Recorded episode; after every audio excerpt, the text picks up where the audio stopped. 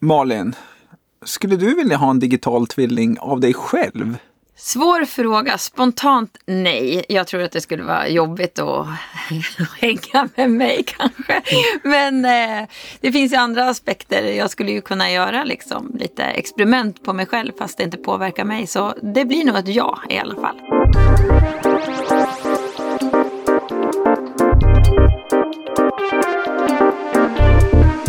Välkomna till Smarta Hem-podden med mig Robert Bäckström och med Malin Hånsdotter.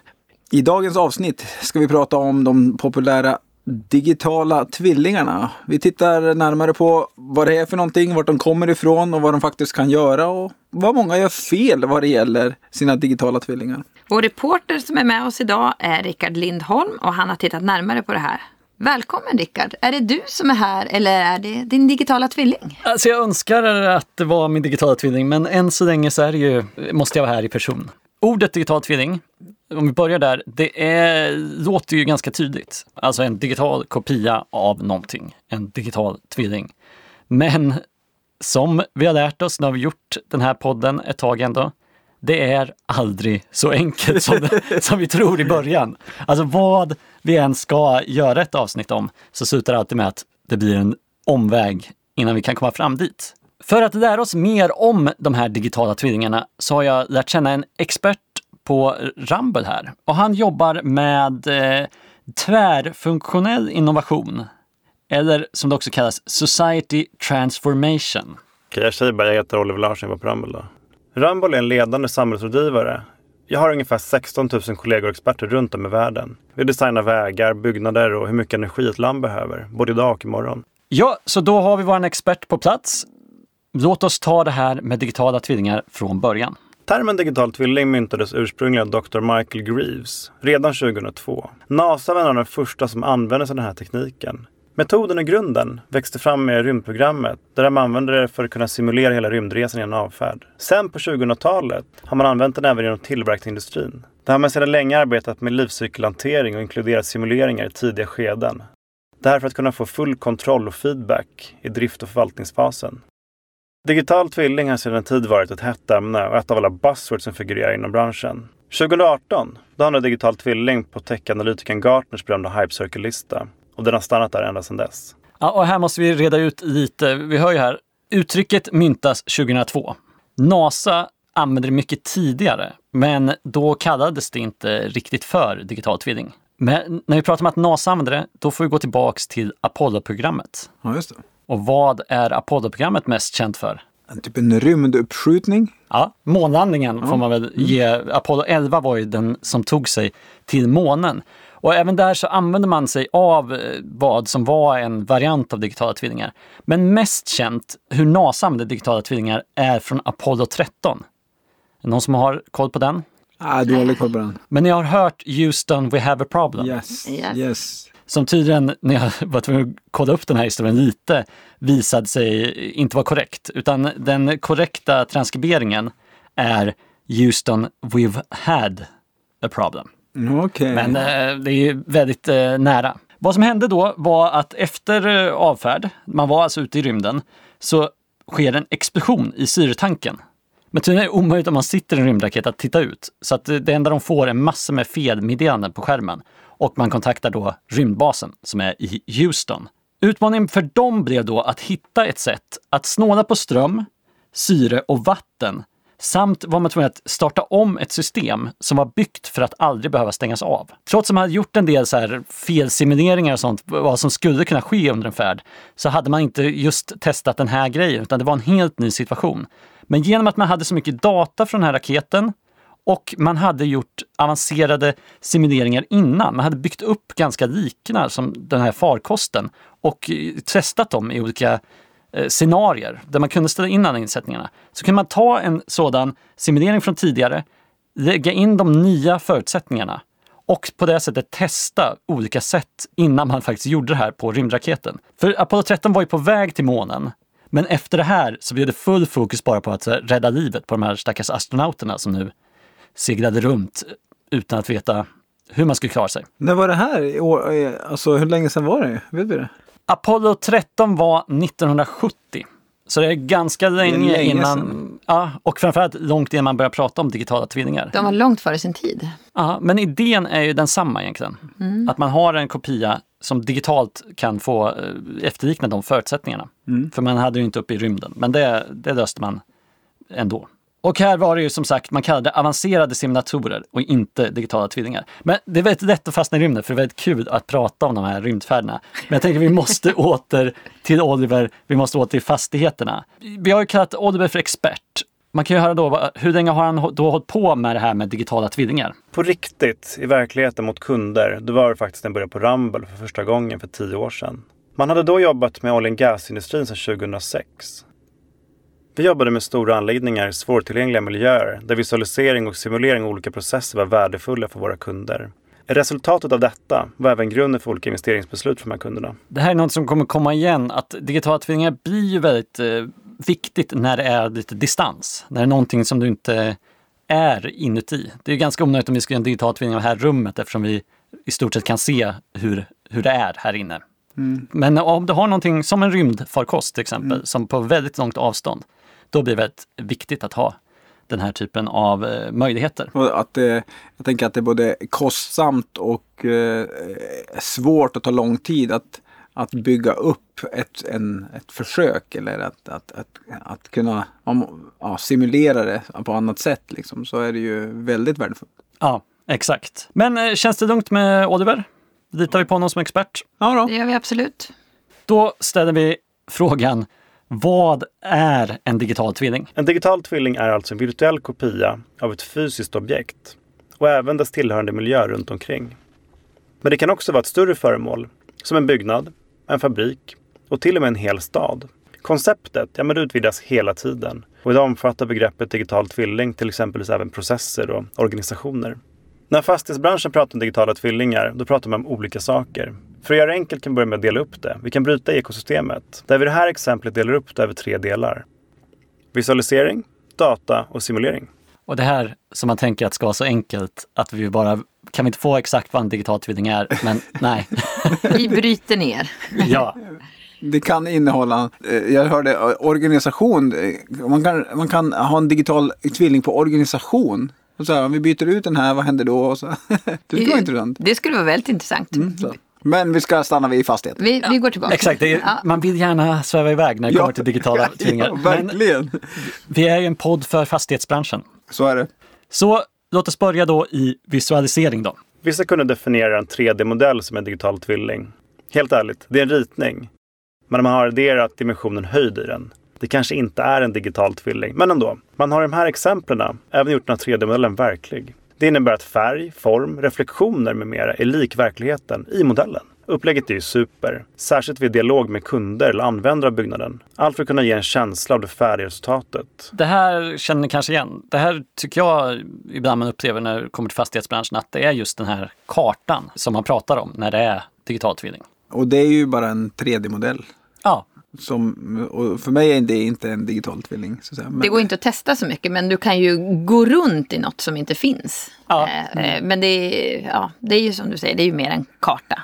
Nej, men, och som Oliver är inne på så är det superbra om eh, vi tänker att ett butikskedja i USA kanske är intresserad av en fastighet och då kan man liksom guida runt i fastigheten. Absolut. Det blir ju en, eh, en 3D, en virtuell 3D-visning. Men Ja. ja, men det ja, kanske räknas som digital tv- tvilling. Nu när vi har haft eh, en pandemi i flera år, då hade det här varit ett sätt att resa. Kanske. Ja, men precis. Inte riktigt samma sak, men eh, ja. Nej men i, om man går tillbaka till den här affärslokalen. Om man går in och tittar och simulerar med information som kunder och, eh, och vilk, vart kunderna rör sig under olika tidpunkter. Då kan man ju se vart det är trångt och vart, eh, vart man ska skylta upp till exempel. Och på så sätt så kanske man skapar en digital tvilling från den här 3D-modellen. det blir en utmärkt övergång till nästa steg då, att koppla på data. Lägger vi till den till modellen, då kan vi på objektsnivå simulera inte bara hur ett specifikt objekt mår, utan även hur det förhåller sig och påverkar annan utrustning. På så sätt kan objektets prestanda och livslängd förbättras. Till exempel kan slitage förutspås, vilket gör det möjligt att kunna planera och genomföra underhåll på ett annat sätt. Det kallar vi för prediktion. Allt det här är grunden för att minska driftstopp för din byggnad. Till exempel om kylsystemet havererar på en byggnad den varmaste dagen, typiskt onödigt, så med prediktion kan du helt enkelt förebygga det här. Så här börjar vi ändå kunna se hur fastigheten mår på ett annat sätt och fungerar. Ja, och, och, och som prediktionen som man pratar om, just att kunna förutse saker redan i projekteringsskedet så att man väljer rätt produkter på rätt plats. Det är ju väldigt spännande. Aha. Och det här vet vi att man, till exempel om det handlar om saker som går sönder så vet man ju ofta ungefär hur lång livslängd vissa produkter har. Och eh, då är det onödigt att vänta tills det är helt kört så att man får driftstopp eller vad det nu kan vara. Det är helt onödigt att eh, vänta tills det någonting går sönder. För Ja. att eh, det är därför vi har serviceintervaller på bilar till exempel. Det är ofta vi kommer till bilexempel i den här podden, men det är ofta bra. Men det känns som ja. bilbranschen ligger väldigt långt fram vad det gäller teknik och säkerhet och Automation. ja. Och digitala tvillingar har de också jobbat med Ja. väldigt eh, länge. Så att det, ja. Bilbranschen, eller fastighetsbranschen kanske ska lära sig av bilbranschen. Och när vi har de här två sakerna på plats, alltså att vi kan visualisera, vi har den här häftiga kartan och vi har information, då finns ju möjligheten att börja experimentera i det här. Mixar man då de här två delarna, visualisering och data, ja men då kan vi på byggnadsnivå ge information om hur byggnaden teoretiskt sett kommer att bete sig, vilket kan jämföras med hur den faktiskt beter sig. Genom att kombinera data från objekt och byggnaden med extern data, då kan inomhusklimatet optimeras utifrån till exempel väderprognoser eller antal personer i ett rum. Eller kanske många som står i hissen på väg upp till kontoret. Allting är nu integrerat. Ett annat exempel kan vara när byggnaden själv kan förutsäga när värmelasten blir för hög genom fönstren. Till exempel på sydfasaden och på förhand justera kylan utifrån det. Genom att utföra simuleringar i den digitala tvillingen kan driftavbrott reduceras och byggnaden fungerar mer effektivt. Har du kommande projekt till exempel, ja, men då kan du med fördel bygga upp det i din digitala tvilling. Den digitala tvillingen kan även hjälpa dig att ta mer kvalificerade beslut. Det vill säga hur lokalen kommer se ut, hur kommer den bestyckas, behöver du lägga till eller ta bort energi från din byggnad. Här om vi återgår till rymdraketen så var det exakt det man gjorde i Houston då, innan man då testade det på den riktiga raketen. Tänk om de hade vetat hur före sin tid de var.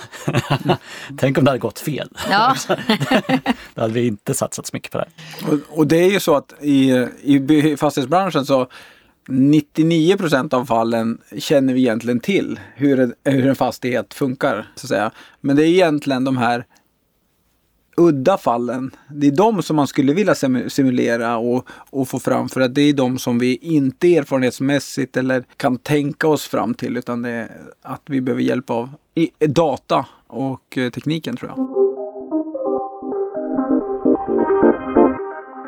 Då har vi pratat om visualisering, data och simulering. Men hur går det då till att skapa en digital tvilling? Det är lite olika beroende på vilken byggnad vi har. Ska vi börja med befintliga byggnader? För det är ganska många sådana där ute. Som ett första steg bör du definiera syftet och även storleken och nivån på din digitala tvilling. Man behöver även fundera på hur datan ska användas som presenteras. Många gånger har man ett befintligt system för bland annat klimatstyrningar och således finns det massor av data i huset. Har du ett äldre system, ja, men då kan det vara aktuellt att extrahera data från systemet till en ny gemensam plattform. Saknar du viss information från huset, kanske mer specifik data från värmesystemet till exempel. Det kan vara lugn. Du kan enkelt lägga till nya sensorer med hjälp av IoT, det vill säga Internet of Things eller sakernas internet. Lämnar man datorn i befintlig byggnad och kollar på 3D-miljön, det vill säga saknar du en aktuell 3D-ritning, då kan du köpa det som en tjänst. Det vill säga att en person går ut och 3D-skannar din byggnad. Den här visualiseringen blir grunden för din kommande digitala tvilling.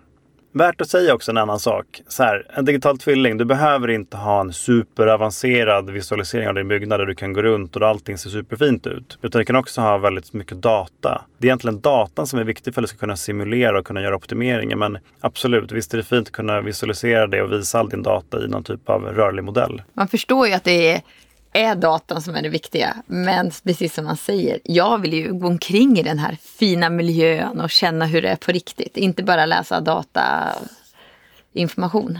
Nej, precis. Visualiseringen tror jag är... Alltså det är så vi funkar som människor. Jag tror det är ganska viktigt att kunna få det sammanbandet. för det informativa så är det ju väldigt viktigt. Men själva för teknikerna som ska eh, hålla på och styra. Och, De behöver ju bara datan. De behöver bara datan. Ja, så ser det ut på befintlig byggnad. Men eh, hur ser det ut om man bygger nytt då? Jag börjar med att gratulera. Du har ju stora möjligheter att lyfta fram din fråga till din projektorganisation. Och med det kan du också närma dig din nya digitala tvilling. De flesta projekten idag har en bra grund för visualisering i form av bra 3D-modeller.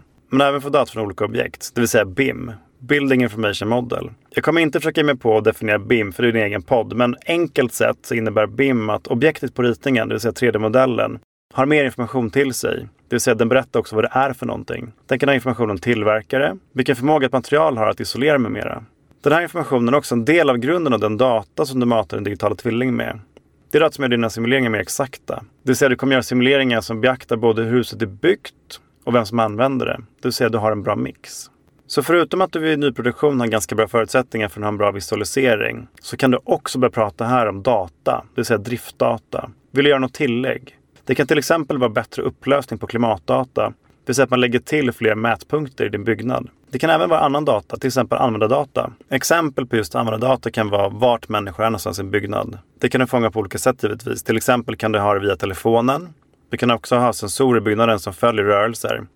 Du kan också integrera hissen, det vill säga hur många är i hissen och vart är hissen någonstans. På så sätt kan du ge byggnaden mer information hur den kan förbereda sig. Kanske göra ett rum kallt eller varmt. Det är ju skönt på något sätt att sensorer har blivit så billigt idag. Mm. Att det faktiskt går egentligen att lägga in hur många som helst och mäta vad som helst.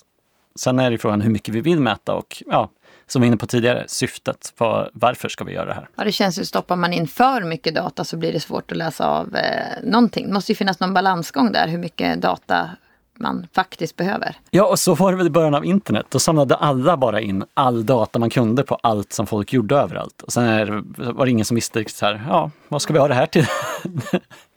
Nej, men, men eh, när man pratar om AI, då pratar man ju alltid om big data. Alltså att man vill ju ha enormt mycket data.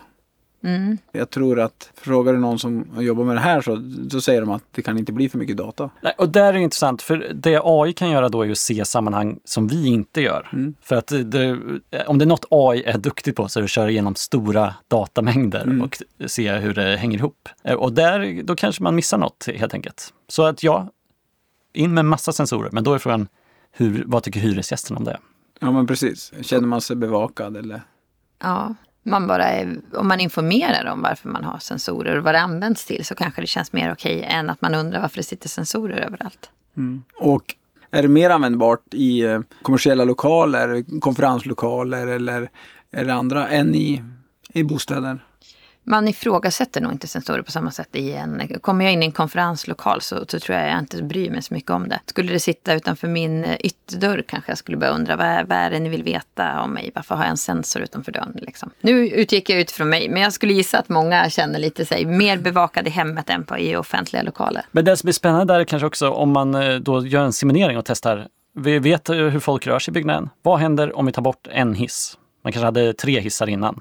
Hur kommer det här påverka flödet i den här fastigheten då? Ja, som barn spelade jag extremt mycket SimCity. Och det känns precis som SimCity det här. Ja, nu tar jag bort brandstationen där. Ja, det börjar brinna. Nu brann den stadsdelen ner. Ja, jag måste bygga en ny brandstation. Det var ju också någon slags digital tvilling fast på en stad som inte fanns. Ja.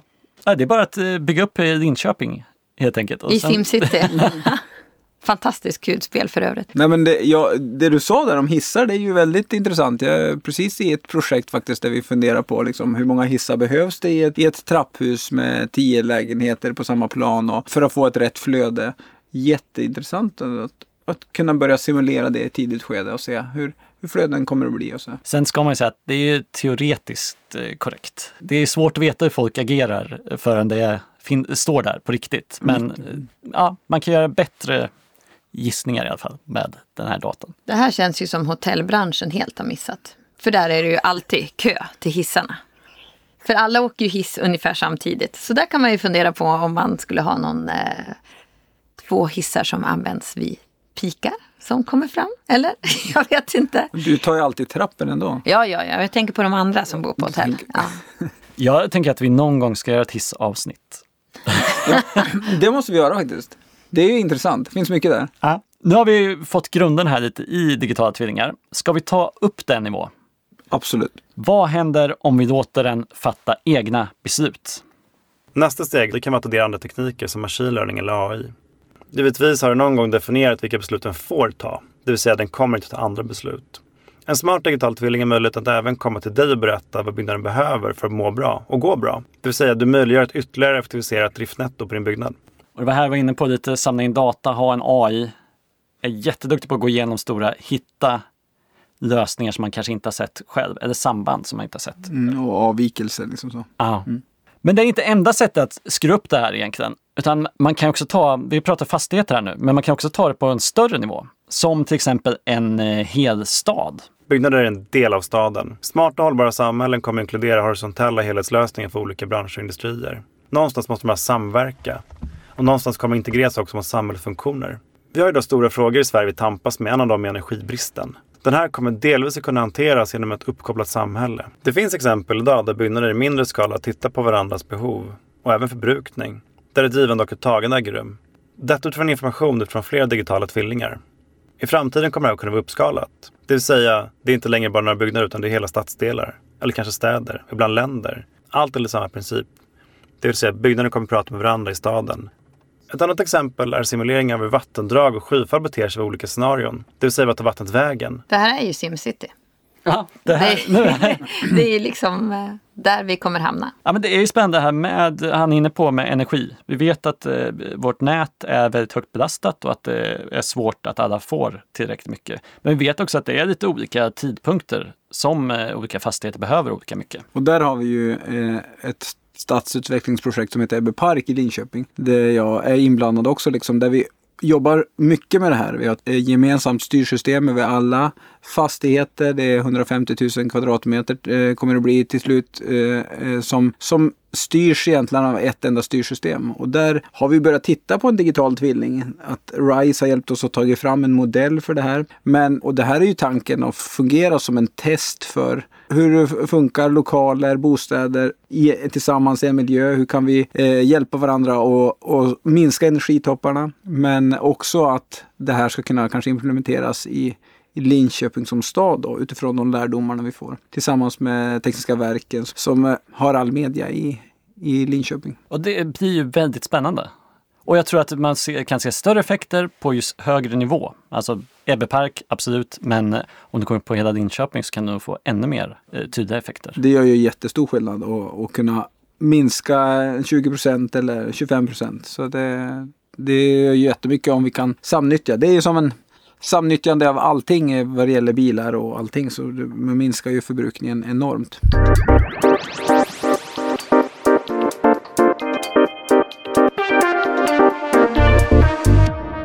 Jag tyckte det lät så spännande med en digital tvilling av en stad, så vi började titta runt lite och försöka hitta en, ett sådant exempel i Sverige. Och eh, vi hade lite tur. Erik Schansson heter jag och är vad vi kallar geodatastrateg. Det handlar om geografisk information eh, och eh, jag jobbar på, inom Göteborgs stad på stadsbyggnadskontoret. Och nu vet jag alla tänker, vad gör en geodatastrateg för någonting? Ett fint namn ändå. I normala fall kan man säga som geodatastrateg så jobbar jag med att eh, sprida och öka nyttan av geografisk information, öka användningen av den inom Göteborgs stad. Eh, inte bara kanske inom staden utan ut mot medborgare och mot näringsliv och så vidare. Men det handlar egentligen om att vi ska använda den data vi har på ett eh, bra sätt och kanske bättre sätt så att vi kan jobba effektivare och smartare. Så, så det jobbar jag med. Det är spännande projekt ändå. Ja, och det är befintlig data han eh, ska se till. Han, han sitter inte och beställer data när han tycker det saknas data. Det, det är nog möjligt att han beställer data också men eh, ofta så har man ju ganska bra koll på geologiska och eh, förutsättningarna kring en stad och i en stad. Liksom. Både vilken, vilken mark det är och hur, eh, ja men om det är backigt eller om det är gropar och åar och berg och så, där, så där har man koll på. Och det har ju han koll på. Det är ju hans jobb. ja, exakt, det, det vi nu har lärt oss existerar, det jobbet. Men hur kommer det sig egentligen att Göteborg har satsat på en eh, digital tvilling? Ja, det kan man säga att det, eh, bakgrunden är som sagt att liksom hela tiden förändra vårt sätt att jobba och försöka jobba smartare och effektivare. Men vi ser ju också att världen är i tre dimensioner så varför ska inte våra kartor vara det? Och nu är det ju även så att tekniken möjliggör att jobba på det här viset på ett helt annat sätt än vad, vad det kanske gjorde tidigare. Men se, sen ser vi också att behoven ökar hela tiden och behoven av att kunna planera en komplex miljö, en komplex stad. Eh, utifrån de utmaningar som finns. Och som vet alla utmaningar, de, de, blir ju tuffare och tuffare hela tiden också. Det är inte bara staden som sådan utan de, de eh, yttre omständigheterna. Det kan vara allt för hur klimatet förändras och påverkar oss och till att vi jobbar med integration i staden till, till andra delar. Så att det, ja, hur vi förflyttar oss i staden med olika typer av transportsätt. Det här är ju liksom, det blir komplexare hela tiden och vi behöver bättre data för att kunna eh, jobba med de här komplexa utmaningarna. Så det är väl lite drivkrafterna.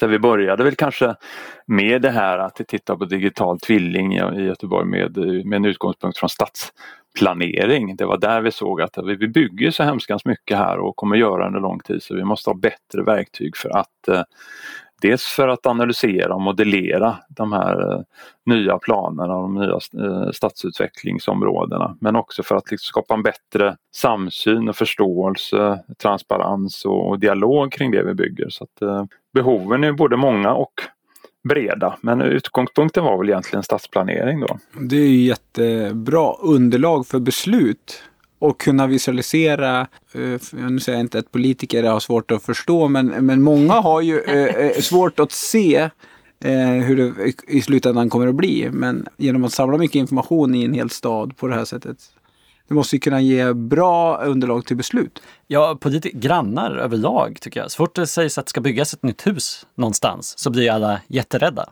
För man tänker så här, nu försvinner all min utsikt. Mm. Men här kan du gå in, titta från din lägenhet, se då hur det ser ut. Är det här ut. helt öppet för alla att gå in och kika på hela Göteborgs stads eh, digitala tvilling eller är det något de delar med sig när det behov finns? När vi spelar in podden är det inte tillgängligt. Som jag förstår så ska det bli tillgängligt. Men sen vågar jag inte säga att allt kommer bli tillgängligt. Det är ju alltid lite dubbelt för hur, alltså all information finns ju i den här digitala tvillingen. Vad tunnlar, eventuella tunnlar och sånt till exempel skulle kunna finnas och så. Jag vet inte, kommer någonsin allt släppas? Ja, det kan ju vara säkerhetsrisk att släppa exakt hur en stad ser ut. Ja, och man kanske inte vill att allmänheten ska veta eh, vart man eventuellt planerar en tunnel för att inte väcka, äh, väcka oro som kanske inte är befogad. Då, liksom. Så att, äh, nej, men, äh, jättebra både, både för allmänheten men också framförallt kanske för politiker och, så, och som ska ta strategiska beslut för staden. Mm. Och lättare folk att förstå hur det faktiskt kommer bli. Och efter det vi lärde oss om de här tre nivåerna på en digital tvilling så vill man ju veta vad det är de har gjort. Det vi tar fram då det är ju en en eh, 3D-modell av staden som man ja, kan gå omkring i virtuellt.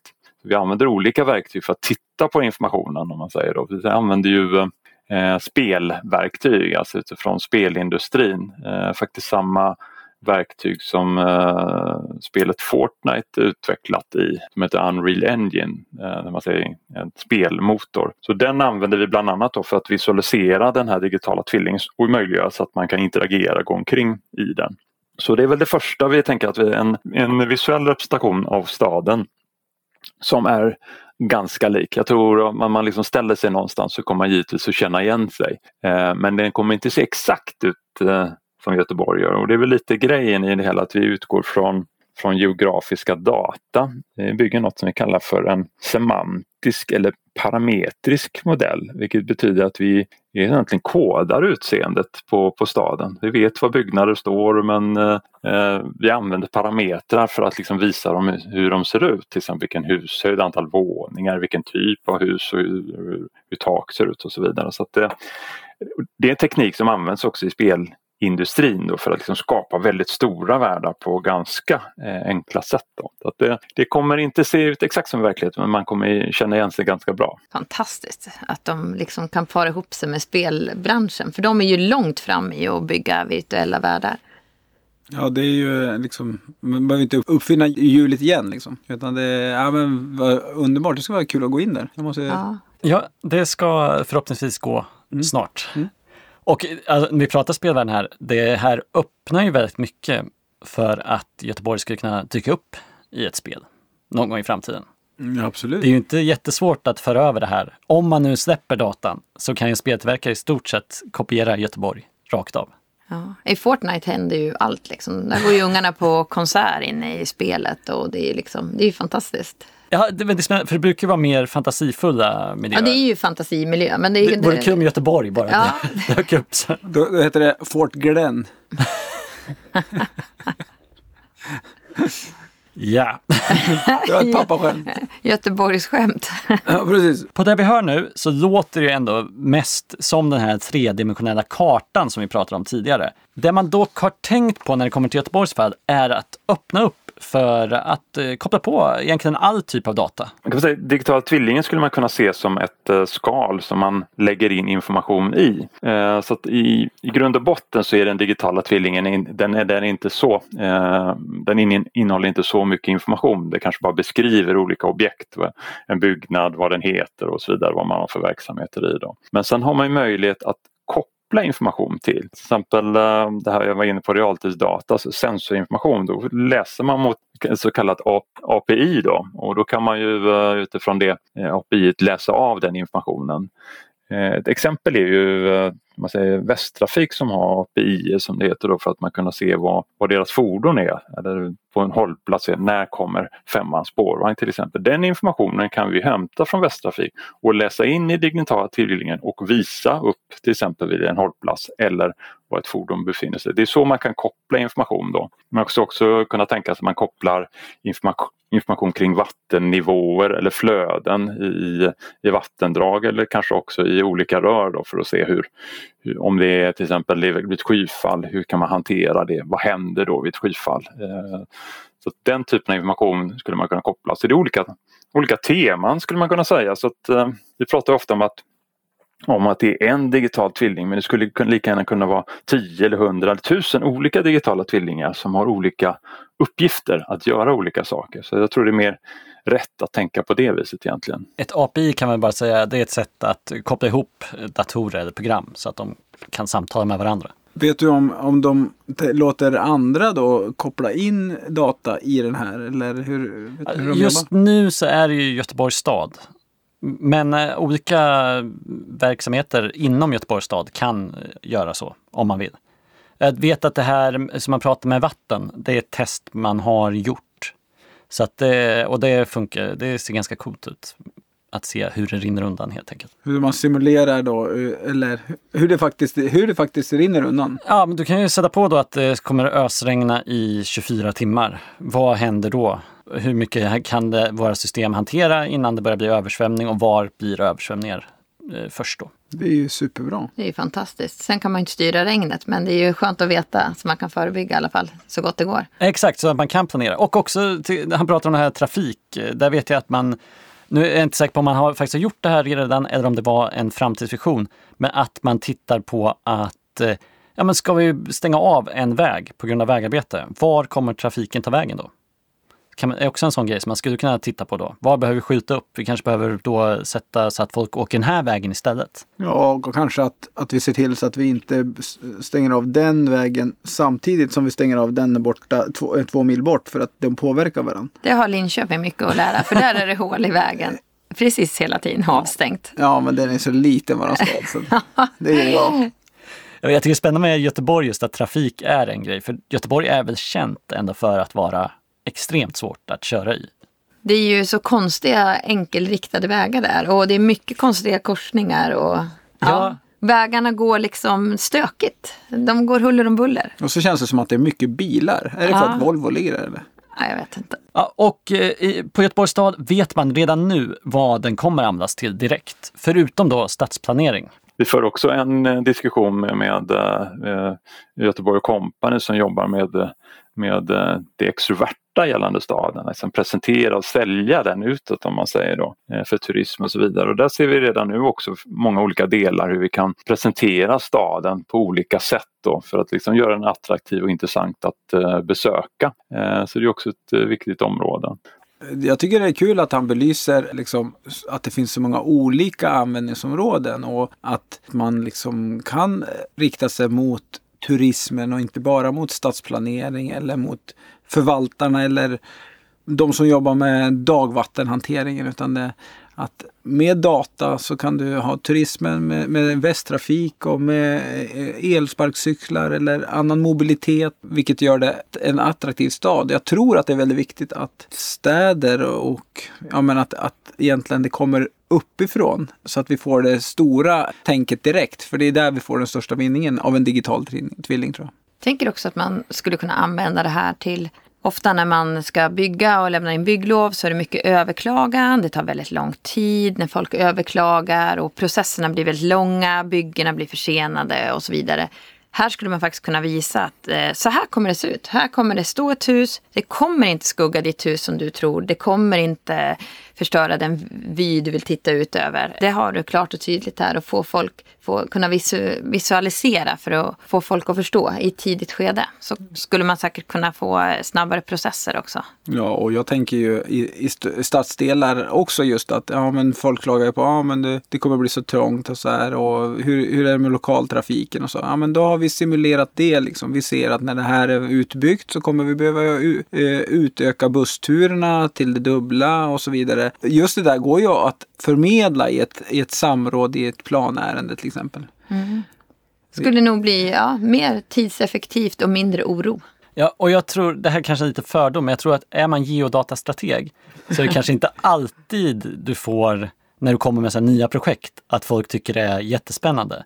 Men när man har satsat på den här digitala tvillingen så har man märkt ett otroligt stort intresse inom olika delar av kommunen. Jag ska ta något som, som en kollega på vår eh, förvaltning för IT sa. Och hon sa att, eh, att den här digitala tvillingen är en, en driver Alltså en möjliggörare för just samverkan och att man kommer vidare i andra områden. Och det är lite kul för det är precis så det är tycker jag. Eh, för att det är så himla tydlig nytta med att jobba med en digital tvilling. Så man får lätt med sig folk som ja, men det här det här verkar ju jättebra, det här vill vi göra. Eh, och då, när man får med sig folk då kan man börja jobba med de här frågorna och hantera data och så vidare. För man har en väldigt tydlig målbild då med att just den här digitala tvillingen eh, som vi vill ta fram då för att kunna möjliggöra allt det vi vill. Så att, eh, på så vis är det ett ganska eh, spännande och kul projekt att det, liksom, det talar för sig självt på något sätt. Det blir så uppenbart vart eh, man vill nå. Och det är en fördel, det är inte alla projekt som är, som är sådana.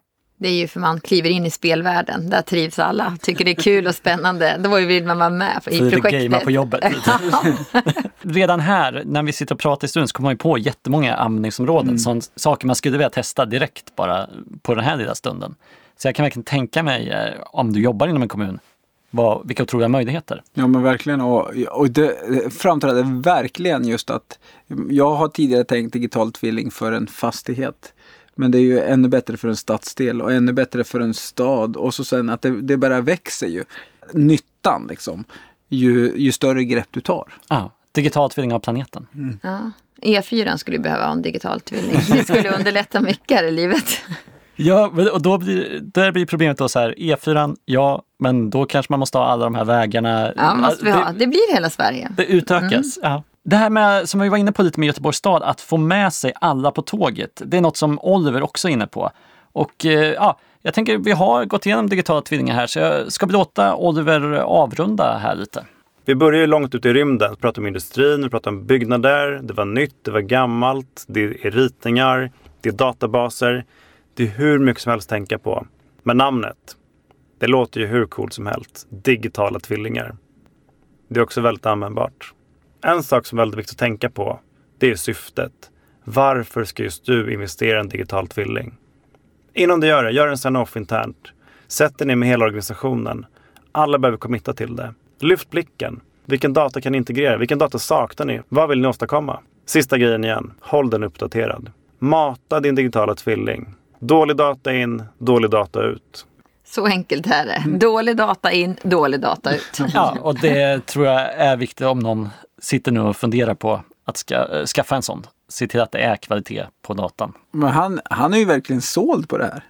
Med, med digitala tvillingar. Alltså det är ju fascinerande liksom hur han, han är, ju- superengagerad i och kunnig i det. Ja, ja, men jag tror att eh, det här är en av de som verkligen brinner för de digitala tvillingarna. Det här var ju superintressant Robert om digitala tvillingar. Vad, vad tar du med dig från det här avsnittet? Ja, men jag tar med mig verkligen det här stora helhetstänket som jag tror eh, att vi kommer att se. Både kanske Trafikverkets alla vägar inklusive E4 och städer inklusive små stadsdelar och ner på fastighetsnivå. Sen eh, kan man ju säkert använda digitala tvillingar som vi har hört till organisationer eller för sig själv också om man vill ha en egen digital tvilling. Men för mig är det så här, ja men det har blivit lite en ögonöppnare hur värdefullt det skulle kunna vara i en stad. Så att eh, fantastiskt intressant. ser vi fram emot när du tar fram Linköpings eh, digitala tvillingar. Det vill, jag vara med, det vill jag vara med på. Vi får in massa roliga förslag till våran mailbox. Har du också förslag på vad vi ska prata om i podden? Maila oss på podcast.stangastaden.se. Och du har lyssnat på Smarta Hem-podden med mig Robert Bäckström och Malin Hansdotter. Och våra reportrar är Rickard Lindholm och Josefin Svenberg. Podden ges ut av Stångåstaden och produceras av Edison.